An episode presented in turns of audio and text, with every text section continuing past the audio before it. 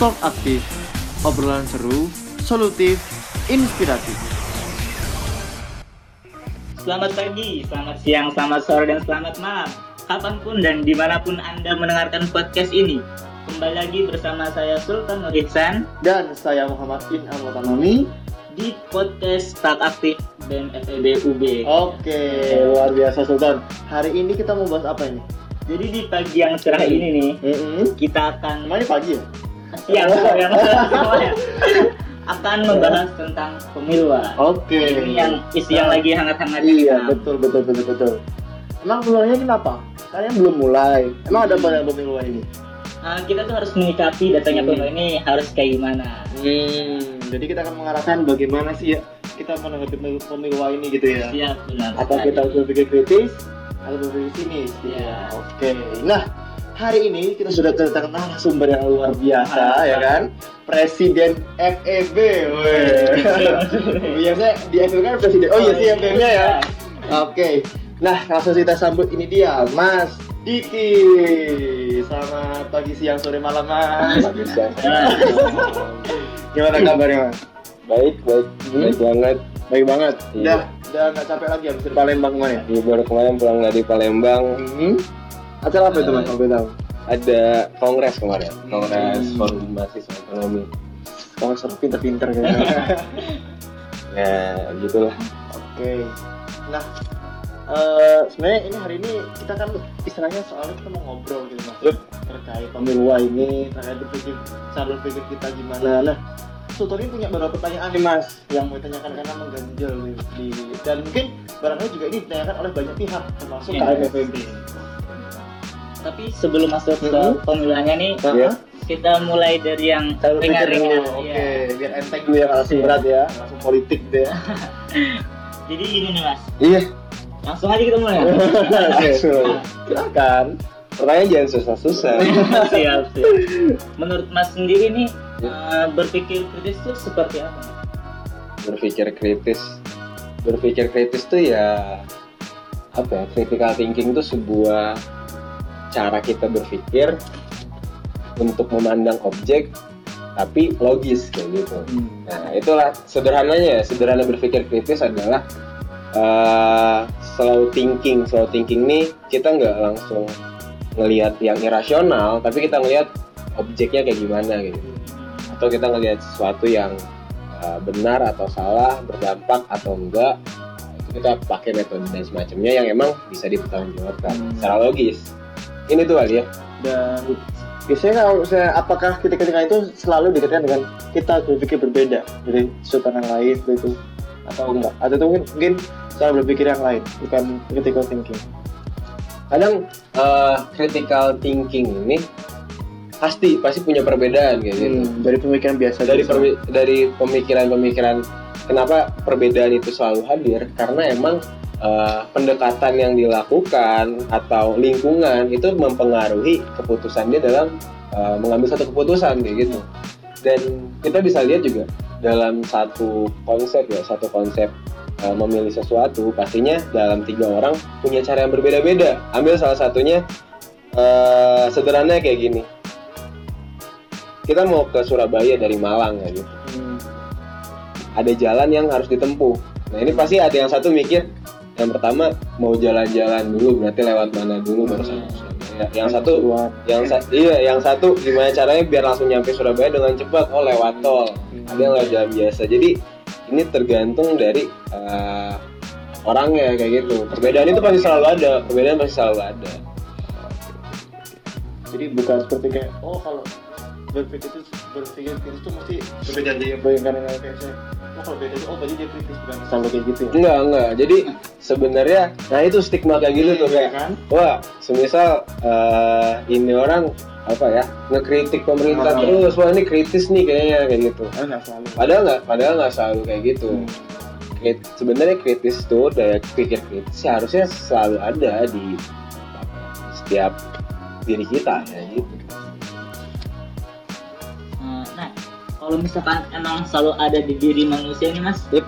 biasanya kalau di seminar-seminar talk show gitu pasti banyak yang angkat tangan bertanya kan. Iya. Nah, namun bertanya itu kadang ah, bisa dibilang kayak biasa gitu Iya, Nah, kita tuh mikir pertanyaan ini bukan yang kayak biasa aja gitu Standar. standar Kayak gitu Kok standar. kurang kurang gitu Nah, ya kayak gitu nah Oh. bagaimana coba kita bisa membuat diri kita tuh bisa berpikir kritis gitu karena bagi kita mahasiswa harus Iya. berpikir kritis Iya. Af, Sebenarnya jangan ya kalau kita ngelihat nilainya dari satu orang kok pertanyaan biasa aja Hmm. kayak gimana. Karena emang eh, apa ya berpikir kritis itu kita punya eh, nge-create sesuatu sebelum kita ngelihat eh, atau ngidentifikasi masalah kayak gitu. Dan jadi eh, problemnya adalah sejauh apa sih seseorang mampu mengidentifikasi masalah sampai pada tahap dia meng-create sebuah pertanyaan kalau concernnya di sana. Misal eh, apa ya seminar mengenai eh ini politik sekarang nih politik sekarang.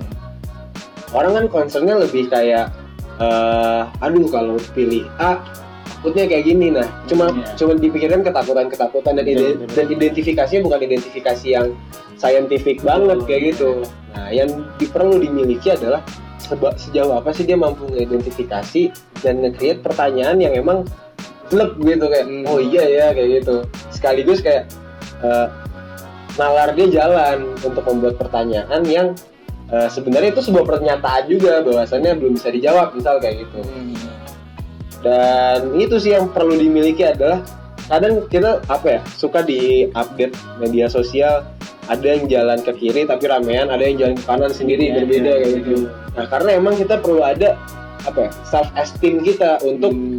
eh, kalau kita merasa itu benar ya silakan kita di jalan di kebenaran itu. Walaupun harus sendiri. Walaupun harus sendiri daripada ngikutin lingkungan kayak gitu. Nah Padahal kalau kita salah. padahal salah. Nah inilah self esteem yang dibentuk dari critical thinking untuk menguatkan diri kita juga kayak gitu. Self-esteem. Kalau kan sekarang istilah baru. Tahu kita baru tahu. Iya. Nah, eh, kalau sering ya, aku sering lihat Mas Diki di BM di FEB kan. Aku ingat banget nih waktu PKK Mamba dulu itu Mas Diki pernah bilang kita mulai dari kenapa. Nah, apakah ada relasi Mas antara kita berpikir kenapa harus dari dari kenapa dengan cara kita berpikir kritis? ada pastinya. Karena balik lagi eh, kita berangkat dari kenapa kayak gitu. Nah, dari kenapa ini akhirnya kita memunculkan banyak pertanyaan untuk mencapai satu tujuan kayak gitu. Sekarang eh, apa ya? Misal nih kalian kalian berdua eh, masuk FEB nih Hmm.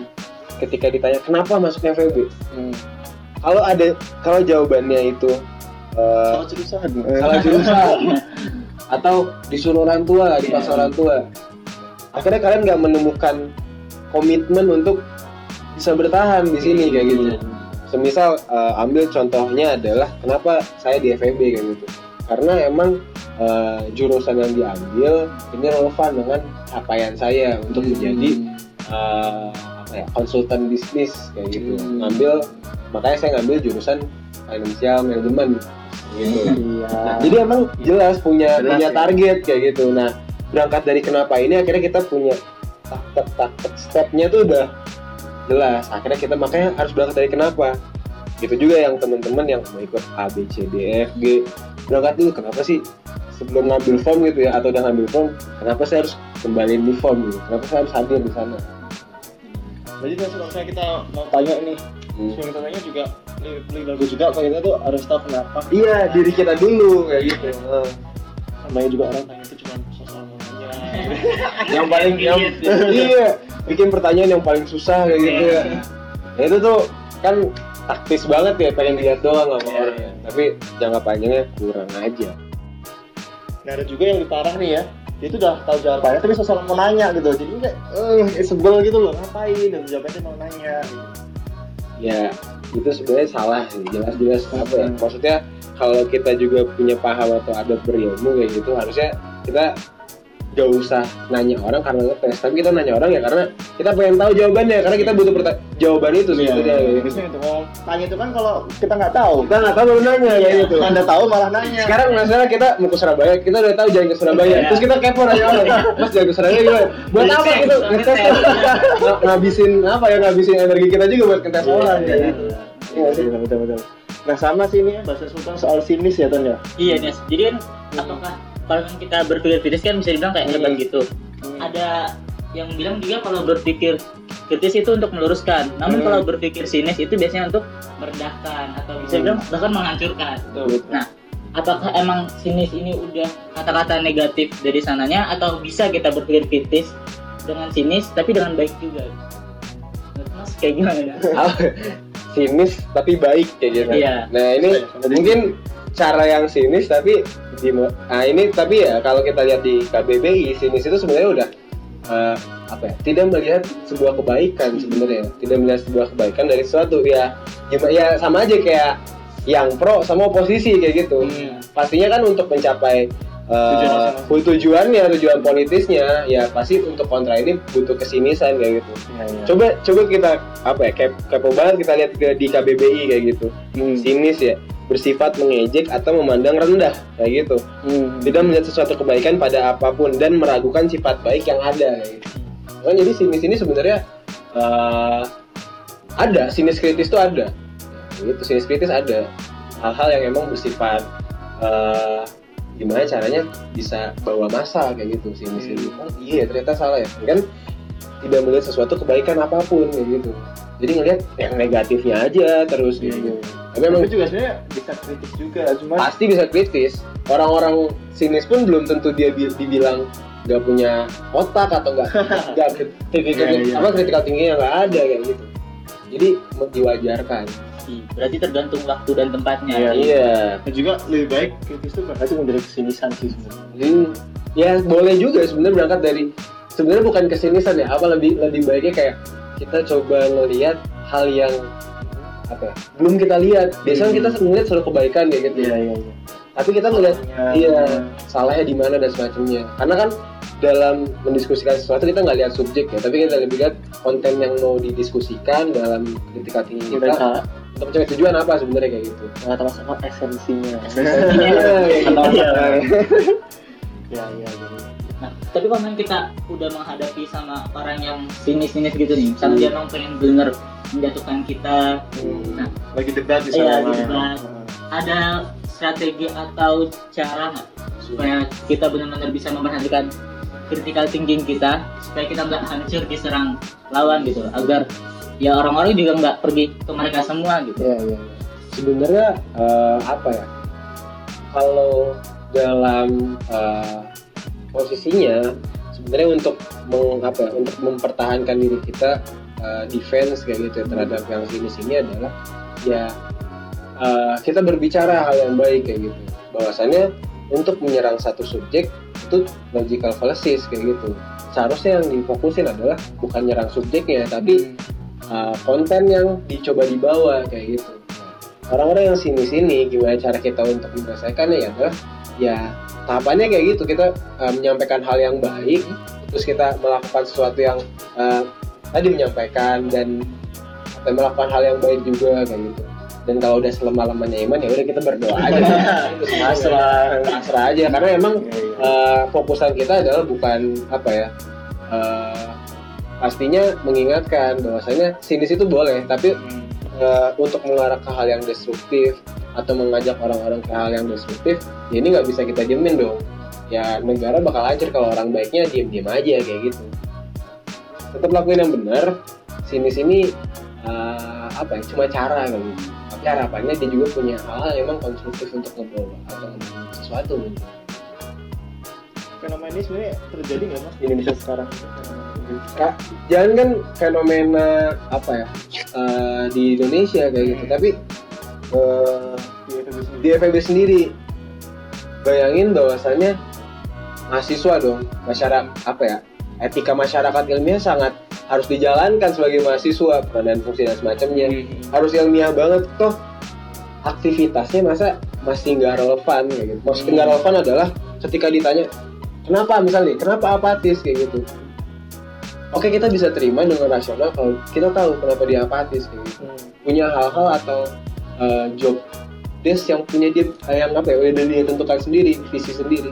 Tapi yang dilema itu adalah ketika dia apatis tapi nggak tahu kenapa dia apatis ikut arus kayak gitu Tahu alasannya apa? Alasannya. Iya gitu baik. Iya iya iya. So, ini kita tidak menyalahkan ya. bahkan kalau ada orang yang apatis dan dia ingin menyuarakan keapatisannya itu lebih baik ya gitu etika masyarakat ilmiah jalan dia punya hal yang rasional yang ilmiah kenapa dia apatis? Misal dia bilang apatis karena eh, apa ya FEB ini udah nggak sesuai dengan miniatur negara. Harusnya kayak gimana? Ngasih solusi. Waduh, berat juga ya. iya nggak sih? Akhirnya rasional gitu kenapa dia iya, apatis bagus kayak gitu. Dan aku bakal lebih menghargai orang yang dia apatis tapi punya rasionalisasi yang emang bikin kita oh bener juga ya. Akhirnya kita ngikut ke dia kayak gitu kan Nah kalau gitu berarti di situasi pemilu ini mas ya, misal aku kan sebagai pemilih maba nih, maba Hmm. buta apa-apa. Nah aku harus gimana mas? Berpikir kritis atau harus sinis kah? Hmm. Atau misalnya kalau misalnya apatis, aku harus nyampaikannya ke mana? Misal nggak mau milih, aku golput, aku nggak suka sama dua paslonnya, aku harus gimana? Atau harus eh, diemku ini harus kubawa ke mana? sebenarnya eh, balik lagi ya kalau kita diem aja atau ngikutin arus ya udah arus A atau teman-teman kita ngikutin A dan ya udah kita ikut aja. Nah sebenarnya awal mulanya orang apatis adalah karena di awal dia udah diem aja gitu. Nggak mempertanyakan atau mengidentifikasi sebuah masalah atau fenomena kayak gitu. Sedangkan lahan apa ya? Kita kan sosial ilmu sosial ya bukan yang saintek kayak teman-teman di MIPA dan semacam Hmm. yang udah metodologinya udah labnya jelas kayak gitu. Nah ini sebenarnya ini lab laboratorium kita untuk mengidentifikasi masalah sebenarnya kayak gitu dan berawalnya dari aktivitas sosial yang ada di tatanan kecil kita di KMFEB buat teman-teman yang harus ngapain kayak gitu langkah pertama adalah coba eh, yakinin dulu kenapa kenapa kita harus berpartisipasi karena Di balik pemilu lagi itu. di pemilu atau Hmm. di KM karena lahan kita lahan aktivitas kita laboratorium kita dari sosial ini. Iya. untuk memulai yang baru eh, inilah cara kita untuk bisa berinteraksi. Beda emang laboratoriumnya sama di FK di MIPA punya laboratorium sendiri. Iya, di FPIK dia ngeliatin eh, ikan. ikan bertelur sampai Iya. subuh. Nah, emang itu lahan laboratorium di, dia kayak gitu sebagai saintek. Dan kita laboratoriumnya adalah di kehidupan sehari-hari. Kita berdiskusi sama orang mengidentifikasi masalah bareng-bareng dan dari situ dulu makanya kita harus uh, berpartisipasi dalam aktivitas sosial ini kayak gitu. Berangkat dari sana baru critical thinking itu bisa dipelajari metodenya banyak. Kita udah difasilitasi semuanya HP kita wifi kita udah kencang semua. Tapi tinggal gimana cara kita untuk apa ya mampu mengembangkan diri kita aja sebenarnya. Dan yang jelas sinis itu cuma cara mungkin cuma cara kayak gitu. Tapi uh, kalau emang kalian uh, berpikir kritis dengan apa ya, dengan cara atau pendekatan sinis itu pun nggak masalah sebenarnya. Selagi apa yang disampaikan bisa kita pertanggungjawabkan gitu. Bila- bilang kayak gini "Eh, sinis. Iya sinisnya kenapa? Soalnya calon A eh, pokoknya apa ya alasan yang irasional gitu yang nggak bisa dipertanggungjawabkan itu yang yang bahaya sebenarnya. Lagi kita kan masyarakat ilmiah semuanya harus dipertanggungjawabkan cara berpikir kita harus dipertanggungjawabkan. Itu sih poin poin of interestnya mungkin ya buat bahas kritis dan kritis dan sinis ini. Tapi ini Mas Diki ngeliat deh pemilu sekarang itu eh, apa ya kan kemarin sempat ada tiga paslon sekarang tinggal dua paslon Hmm. kan? Eh, terus juga kondisinya kan sekarang saya kan udah tinggal dua kubu mas ya? A sama B gitu ya. Misal nih aku eh, di pendukung B. Hmm. boleh nggak sih aku tuh kalau misalnya si A lagi apain aku jatuhin dia terus kayak gitu. Sikapku seperti itu. Atau oh jadi kamu pendukung B ngejatuhin A Ah, gitu. kan ini sama nih kayak tahun politik sekarang gitu kan. Nah boleh nggak sih sebenarnya kita seperti itu tuh? Baik lagi ya boleh kita ngejatuhin sesuatu? As- karena apa ya? Emang kalau eh, di FEB kalau kita emang menjunjung tinggi hal yang ilmiah berarti proses politik yang kita lakukan adalah proses politik yang emang bisa kita pertanggungjawabkan ya gitu. Kalau emang cara menjatuhkannya adalah eh, cara menjatuhkan yang baik secara etika ya nggak masalah kayak gitu. Penjatuhannya mungkin contoh dalam Mas, kalau jatuhin etika misal contohnya kayak gini. Kalau eh, apa ya kalau ngejatuhin tapi beretika kita ngelihat program kerjanya. Lihat program kerjanya kok program kerjanya tuh eh, apa ya? Gak inovatif. nggak iya nggak inovatif. Atau nggak relevan sama kebutuhan KM terus dari mana itu program kerja kayak gitu. Nah ngejatuhin yang akhirnya eh, cari kelemahan dari program kerja yang dia buat kayak gitu. Itu beretika menurutku dan patut diapresiasi. Tapi kan kalau tatanan masyarakat di Indonesia sendiri mungkin kayak gitu ya. Hal-hal atau yang diangkat hal- sensasional. Iya, atraktif kayak gitu. Hantu-hantu politik selalu dimunculkan kayak gitu. Karena emang kebutuhan pasar masih apa ya derajat eh, selera. derajat selera eh, mitosnya masih tinggi kayak gitu. Jadi dikasih eh, Isu ini isu, juga. isu yang menakutkan akhirnya ketakutan. Jangan gitu. pilih ini karena ini misalnya langsung Iya. Iya langsung milih. Nah ini kan kita kan terutama mahasiswa ya perlu untuk menjalankan hal-hal yang ngejatuhin boleh sebenarnya ya itu untuk proses kita berpolitik tapi mampu kita pertanggungjawabkan gitu. Kan yang bahaya banget nanti apa apa ya masa di kampus sendiri masih menjalankan politik identitas kayak gitu Iya. itu yang sebenarnya kan fungsi pendidikan nggak jalan dong iya, kalau gitu. betul. Baik lagi, boleh boleh boleh banget itu proses politik dalam menjatuhkan uh, calon paslon dan semacamnya. Tapi bagaimana cara menjatuhkannya kayak gitu itu perlu kita garis bawahi sebenarnya. Iya sih ya. Lagi sekarang tuh juga rame semuanya kan. ya. Di Gimana FB di panasnya? FB rame, di di Indonesia juga rame gitu kan. Eh Mas Diki ntar Mas Diki itu gak sih ikut nyoblos gak sih kan? Ikut dong. Ikut ya? Masih kan masih ini masih soal aktif masih boleh. Iya iya boleh. Tapi kalian nggak boleh nanya aku milih siapa. Nah, itu pertanyaannya rahasia itu. Kalian tidak boleh dengar. Oke. Kalau yang ada lagi atau kalau langsung perlu pertanyaan yang mengganjal gitu tapi pertanyaan emang dibentuk Iya iya iya. iya. untuk karena emang nggak tahu nggak apa-apa ya iya, gitu. iya. Eksistensi tim ses sih mas kamu. waduh iya Kalau misalnya tim ses itu bukannya akan menutup salah eh, kayak misal nih aku Iya. masuk jadi tim ses. Iya. Aku tim ses A di tim ses B. Apakah aku akhirnya menurut aku tuh jadi nggak bisa menu- apa ya nggak bisa melihat sesuatu yang lebih lebih luas kan Hmm. akhirnya tertutup kan misalnya sa- salah satu sudut pandang aku aku cuma suka sama A deh kalau suka sama B. Bukan itu malah apa ya istilahnya jadi bukan jadi mahasiswa yang kritis gitu apa ya? Dibutakan cinta. Iya ap- ini sih yang perlu kita garis bawahi adalah eh, ini semisal nih kita belum memilih menjadi apa ke A atau ke B gitu, Hmm. atau menjadi tim ses A atau ke B. Apa ya? Karena emang kan kita nggak punya peran partai politik juga di dalam Ya. kampus kayak gitu ya. Berarti emang kita tim sebelum menjadi tim ses harus benar-benar uh, ngelihat dulu nih siapa yang bakal kita bantu Harus kayak gitu. netral harus netral. Baru- baru kita pilih nih mau jadi tim ses. A atau B kayak gitu. Karena udah udah pemaham atau Hmm. sem- semisal ada tendensi lain kayak gitu. Tapi untuk masyarakat nih yang nggak ikut sebagai tim kampanye atau tim sesnya cobalah untuk tidak fanatik terhadap sesuatu kayak gitu. Cobalah untuk tidak melihat oh dia dari dari suku Jawa atau ini dari orang Jakarta. Cobalah jangan melihat hal-hal yang memang malah menyerang subjeknya. Tapi eh, silakan objektif terhadap apa yang mau dijalankan selama satu tahun gitu. Dan siapa yang menjalankannya dan bagaimana cara dia untuk menyampaikan narasi-narasinya kayak gitu.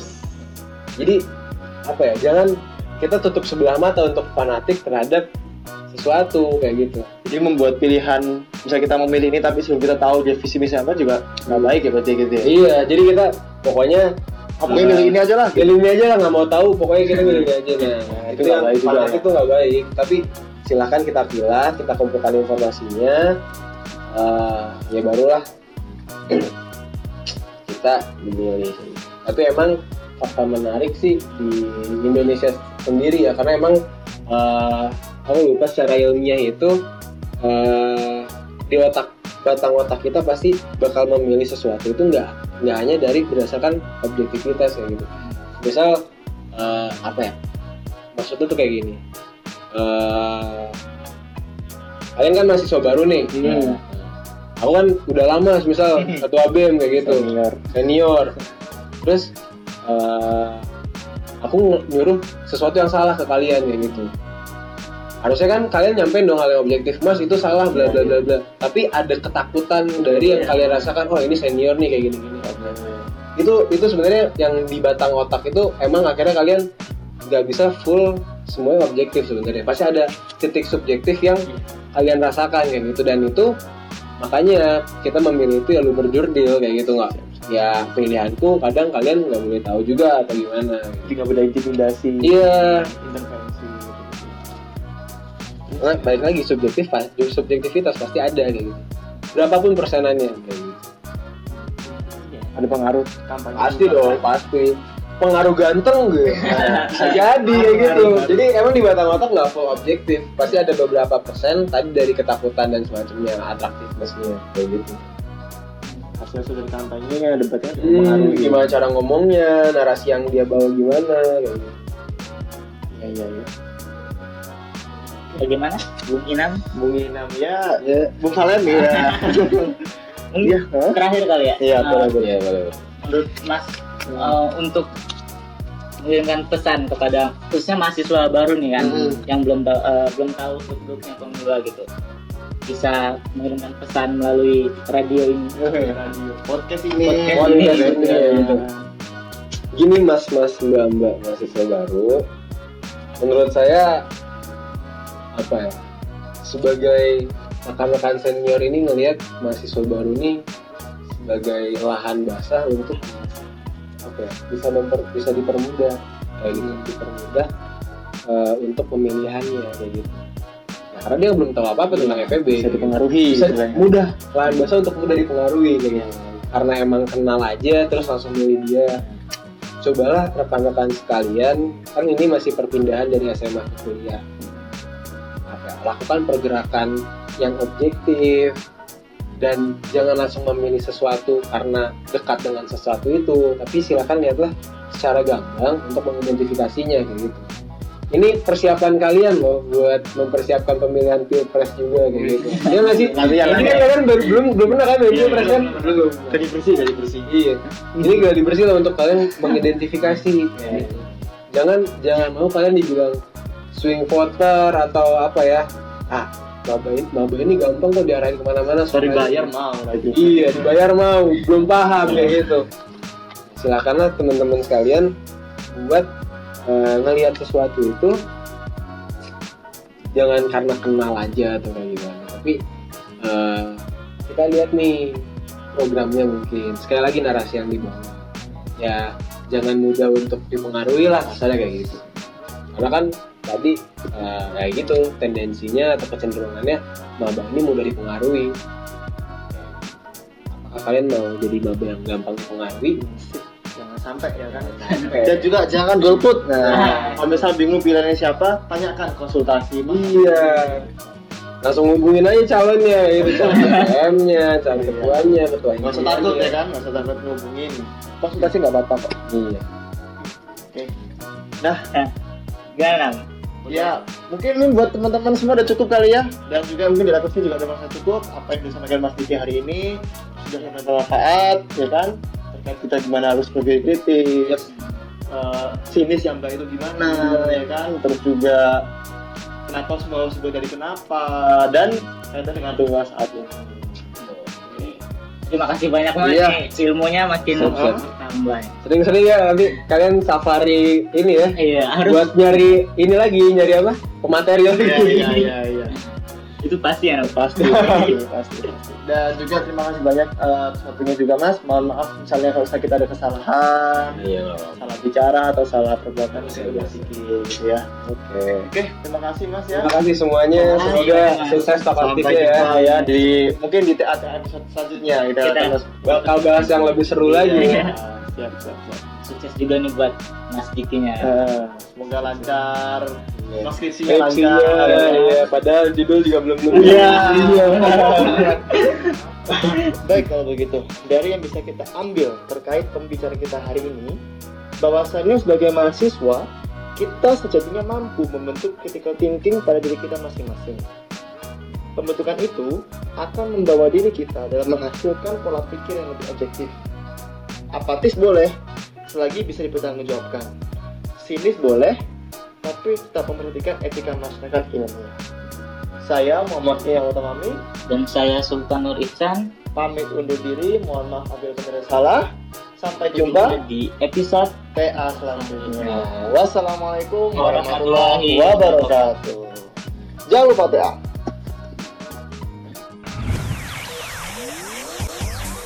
Talk aktif, obrolan seru, solutif, inspiratif.